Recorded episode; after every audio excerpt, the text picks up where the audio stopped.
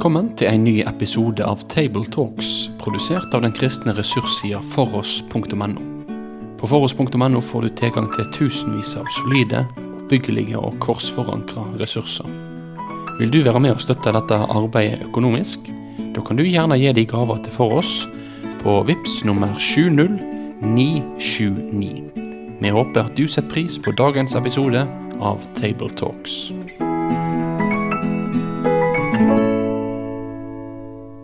Følg møtt til en samtale omkring søndagens tekst. Først 21. søndag i treenighetstiden, Matteus 22, 15-22. Og vi er samlet her, Svein Granrud, Egil Sjåstad og jeg, Asbjørn Kvalbein. Og vi skal se på denne teksten sammen, altså Matteus 22, vers 15. Da gikk fariseerne bort, og de ble enige om at de ville fange ham i ord. De sendte disiplene sine til ham sammen med herodianerne og lot dem si:" Mester, vi vet at du alltid holder deg til sannheten og lærer sant om Guds vei. Du bryr deg ikke om hva andre synes, for du ser ikke på person eller rang. Si oss nå, hva mener du? Er det tillatt å betale skatt til keiseren eller ikke? Men Jesus merket ondskapen deres og sa, Dere hyklere, hvorfor rett, setter dere meg på prøve? Vis meg mynten som skatten betales med. De rakte ham en denar, og han spurte, Hvem har bildet og navnet sitt her? Keiseren, svarte de. Da sa han til dem, Ja, så gi keiseren det som tilhører keiseren, og Gud det som tilhører Gud. De ble forundret over dette svaret, og de forlot ham og gikk sin vei. Ja, det er en uh, veldig flott tekst, dette også, syns jeg, med, som viser Jesu storhet og hans uh, evne til å takle vanskelige situasjoner. Og så ser du jo inn i menneskehjertet samtidig. Så her er spørsmålet om hva de ville. De ville fange ham i ord, og de hadde med seg både sine disipler, altså fariseerne hadde læregutter, og herodianerne, som var et eget parti. Og eh, de har en meget smigrende tiltale av Jesus. Da bruker uh, gjengitt i flere setninger her. Du holder deg til sannheten, du lærer sant, du bryr deg ikke om hva andre sier. Du ser ikke etter personers rang. Med andre ord, du vil vel fortsatt uh, ta vare på det gode ryktet og ryet du har, Jesus, som en god og rettferdig mann. Men da kan du jo svare på dette. Vi lurer på det. Skal vi betale skatt til keiseren? Ja. Ja, de prøver å sette han fast. Hva tykkes dere, brødre, om en sånn måte å gå løs på en problemstilling? Jeg, jeg tenkte på at det er kanskje to ulike grupperinger her da, som har funnet sammen i kritikken mot Jesus. Men det er ikke sikkert de sjøl hadde samme svar på det spørsmålet. Nei, det kan være. For herodianerne det var jo da tilhengere av Herodes, Herodes Antipas, kanskje. Og de var neppe veldig nasjonalistiske, da. De, de var sikkert bevisst nasjonalistiske, men allikevel så tilhørte de dem som uh, gikk De kompromisset med romerne for fredens skyld. Ja. ja. Og fariseerne, som da var veldig bevisst på Israels særstilling. Så det er ikke sikkert de vil ha, ha, det samme svaret, men det var ikke det som var poenget heller. De ville sette Jesus på prøve. Ja. Ja, og det geniale her er jo at eh, fromme, gode jøder de hadde jo en egen myntart som de kunne bruke i tempelet. Men alle sammen hadde nok på lur i lomma noen vanlige mynter med keiserens bilde. Det var derfor det var pengevekslere, vel, i forgården? Fordi du måtte ha kunne ikke, bruke keiserens bilde når du skulle utøve religiøse handlinger og kjøp i tempelet. Ja. Så det var nok allmennmynten, og så var det den religiøse.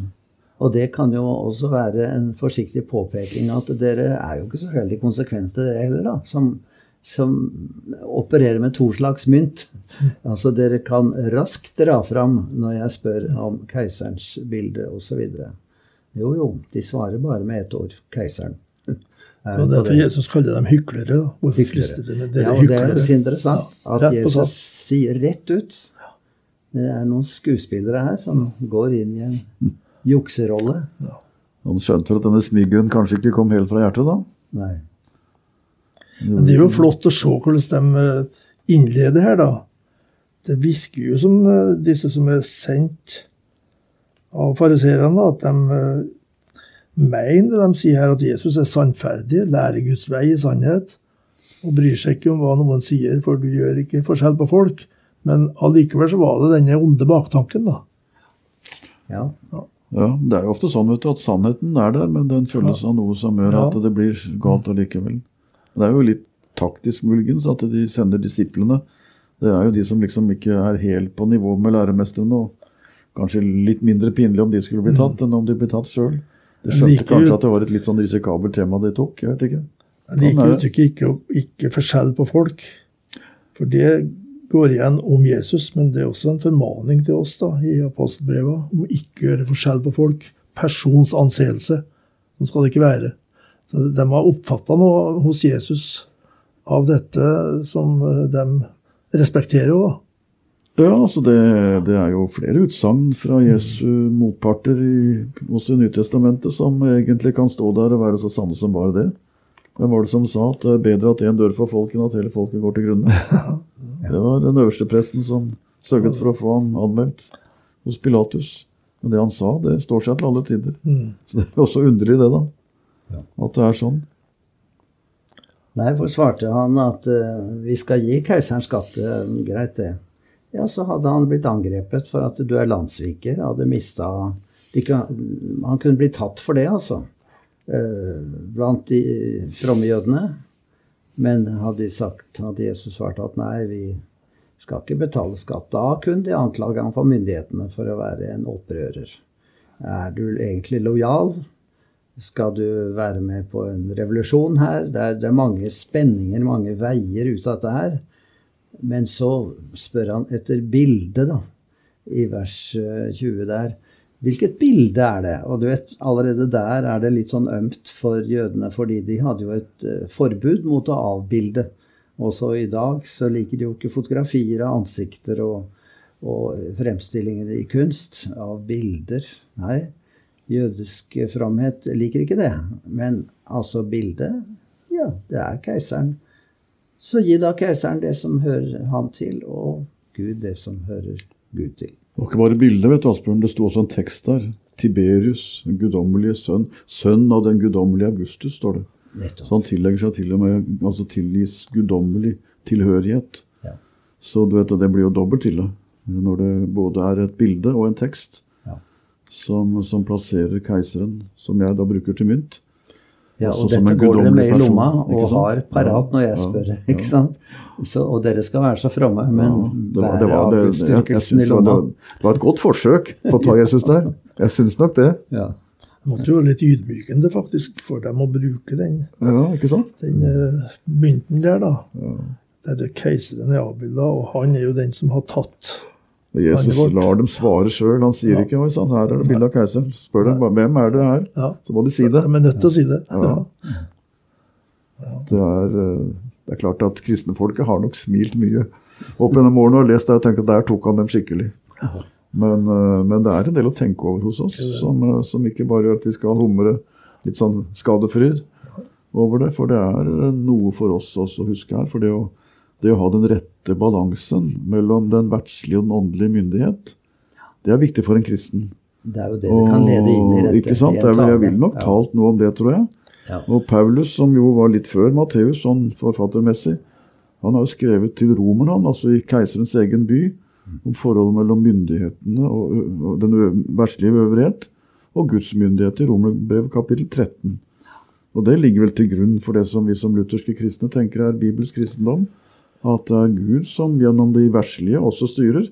Til og med når de vender ham ryggen, så skal vi lyde dem, så fremt de ikke ber oss gjøre noe som er i strid med Guds ord. Og så skal vi i den kristne forsamling og Guds menighet La Herrens ord lyde til rette for oss som vi skal leve. Så, så dette, her, dette, her, er jo rett inn i noe av det viktigste den kristne kirke har måttet forholde seg opp til opp gjennom årene. Ja, og det er viktig å liksom presisere litt her og minne om hva som sies i Romerne 13. Ja. At vi skal være lydige mot de myndighetene som vi har over oss. For ingen myndigheter som ikke tilhører, er skapt av Gud. De er fra Gud. De som de er innsatt av ham, ja som hvis vi setter oss opp mot myndighetene, så gjør vi også noe imot Guds vilje. De skal få sin dom. Men på den annen side, de som styrer, de skal da styre riktig. Skape frykt for de som gjør ondt, og belønne de gode. Og vi skal ikke være redde for myndighetene, for de gjør det gode og skal få ros for det. De er Guds tjenere til beste for oss. Men eh, Eh, de kan komme til å gjøre det gale og onde. Dette går jo også fram av apostelgjerningene. Eh, så skal vi på en forsiktig måte eh, protestere, og kanskje måtte lide under det. Men i hovedsak så er en kristen en god samfunnsborger. Så betal skatt, og gi alle det du skylder dem, osv. Toll og respekt skal du vise, og ære til mennesker i en høy posisjon det der med politikerforakt og, og sånn, det er ikke noe kristelig dyd. Det er mange ting å utlede av dette. Det er mange problemstillinger her. Da, som Enormt en mye. Ja, del kan i forsamlingen kan nok sitte og tenke på. Altså at uh, mine besteforeldre var veldig aktive i motstandskampen under krigen. Ja. Uh, og uh, ja, det var jo konflikt mellom kristne også. Noen kristne ble faktisk nazister også. Og uh, tenker hos Russland i dag, da. Hvordan kan kristen tenke, hvis det virkelig er gjennomtenkte folk, eller gjennomreflekterte folk her, som vurderer situasjonen? Hva skal vi gjøre? Så Det, det er problemstillinga som vi ikke lett kommer utenom. og heller ikke ja, vi kan finne mange eksempler. Jeg tenker på under krigen hvor eh, Martin Niemøller Niemöller og den bekjennende kirke Tyskland sa til Hitler at du må ikke gå imot Guds bud og Guds ordninger. Så sier han bestemt jeg skal ta meg av det tyske folk, så får dere jobbe borti kirken der, men jeg skal ta meg av folk. Og så ble han satt i fengsel, Martin Niemøller, og mm. hele resten av krigen fikk han leve med at folk ble hengt omkring han der han satt i sin celle. Det kostet. Mm. Men altså, de kristne må jo også si det at dere som har fått myndighet av Gud, dere skal ha det i ansvar og lyde Guds røst også. Dere skal bøde dere for Herrens ord. Eh, men det kostet altså livet for mange, akkurat det, og har gjort det til stadighet. Men det er vel det som er løsningen her, da, den, på hovedproblemstillingen her, da, at eh, hvis myndigheten krever noe av meg der jeg er nødt til å synde mot Gud, da må jeg si nei uansett. Så det er vel det, det som, som Jesus sa til Pilatus, vet du, du har ingen makt hvis den ikke er gitt deg ovenfra. Mm. Du har makten bare til låns, på en måte. Mm. Men jeg avbrøt visst. Nei, det var bare det uttrykket det gi Gud det Guds er. Du er nødt til å tenke at du du eh, har fått Guds ord og Guds bud, og du er forplikta på dem. Så hvis noen vil lede deg ut av det, så du handler i strid med det Gud vil med livet ditt, da må du si et nei. Det er vel en av de beste tekstene vi har, tror jeg, i hvert fall sånn på tekstrekkeplan, til å tale om hvordan Gud styrer mm. verden, og hvem, mm. hvordan han møter oss. For uh, det er ikke mindre viktig enn før. Dette har vært Kirkens utfordring til alle tider, og den har løst det på ulikt vis, og ikke alltid vellykket. Men vi må jo begynne med å si noe om at Gud er Gud, og at han har ikke gitt fra seg herredømme over kloden og menneskene og livet, men han har gitt oss en forvalteroppdrag som, som vi ser at vi ikke forvalter godt. Men han har ikke tatt, tar ikke tatt ordningen fra oss. At vi må ha myndigheter, vi må ha styresmakter. Og så er det jo kanskje nyttig å fortelle litt om hvordan kristne opp gjennom årene har løst det på ulikt vis. Noen har vært så myndighetslydige at de har lukket øynene for hva som var Herrens ord. Ikke bare under Hitler, men det har skjedd og skjer fortsatt. Mens andre har valgt å leve i konflikt, også der man ikke trengte å være det. Så her, her må vi tale til folk, dere, om den nærheten til Guds ord som gjør at jeg har dømmekraft i de situasjonene som blir krevende. Og det er vel noe jeg tenker på en del i vår tid. Hvis jeg skulle nevne eksempler derfra, det får vi se på. Men, men den dømmekraften som gjør at jeg skjønner nå er det på tide å si nei, her kan det ikke gå lenger. Jeg tror den dømmekraften er litt svekket av at vi, vi har kanskje ikke den nærheten til Guds ord som gjør at vi kjenner igjen de situasjonene hvor skillet kommer. Og det kan hende vi som forkynner og kristne skal hjelpe hverandre litt mer med. Det kan jo også være et poeng at vi må ha noe å si til de som har makt, og som har eh, politisk ansvar, at de, de står ansvarlig for Gud. For Kirkens profetrøst. En profetisk ja. røst, ja. der Guds bud får lyde også til de høye, ikke bare til de lave. De som har innflytelse. Og, og at de skal ta det ansvaret i respekt for Gud. Det er ikke klart det er klart det er mange av disse som ikke tror på Gud, da, som kan allikevel gjøre en god gjerning som politikere. Men likevel så er det et ansvar å minne om at du står ansvarlig for Gud, du også. Ja, for det er mange, mange erfaringer i historien at makt korrumperer. Altså når man blir for mektige, så begynner man å tenke at man har mer makt enn man skal ha. Så vi må på en måte ha disse to tingene helt klart for oss. Jeg skal tjene Gud først og fremst. Og så skal jeg være samtidig absolutt lojal mot de sammenhenger Gud har plassert meg i. Men så går det visse grenser. Så det å svikte på en av disse feltene, da svikter jeg egentlig begge deler. Altså Hvis jeg ikke tar Gud på alvor, så blir jeg ikke noen god samfunnsborger heller. Da vil jeg komme til å tenke at jeg kan ta noen snarveier med skatt og toll og fartsgrenser og litt forskjellig som jeg bryter. Men jeg har med Gud å gjøre.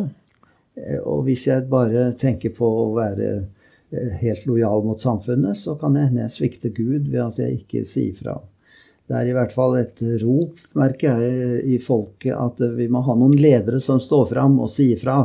Og de som sier fra på ting, de får oppmuntringer fra Guds folk eh, når det må settes foten ned. Så det er en, et ønske om at vi får en god balanse i dette. Eh, Gud har gitt oss eh, lov og rett som en gave, og vi skal virkelig takke for et godt samfunn. Og ikke være prinsipielt sure overfor eh, myndigheter og ligge langt unna politikerforakten, for det er mennesker, det også. Men vi kan være lojale og gode samfunnsborgere og oppmuntre det gode og det sanne. Jesus bruker jo veldig sterke ord om å være lys og salt. Dere er jordens salt. Men saltet mister sin kraft. Hva skal det saltes med? Dere er verdens lys. En by som ligger på et fjell, kan ikke skjules. Så det forutsettes at de som er Jesu disipler, de er engasjert i den verden, men at de da får i ettertid respons av ikke-troende. Eh, de ser de gode gjerninger dere gjør, og, og priser deres far i himmelen, står det. Så det er en veldig sterk anbefaling i Skriften til å til å oppføre seg sånn i, i den livssituasjonen, sosiale settingen den er. da. At den kan skape sånn respons hos andre. At eh, du har med Gud å gjøre.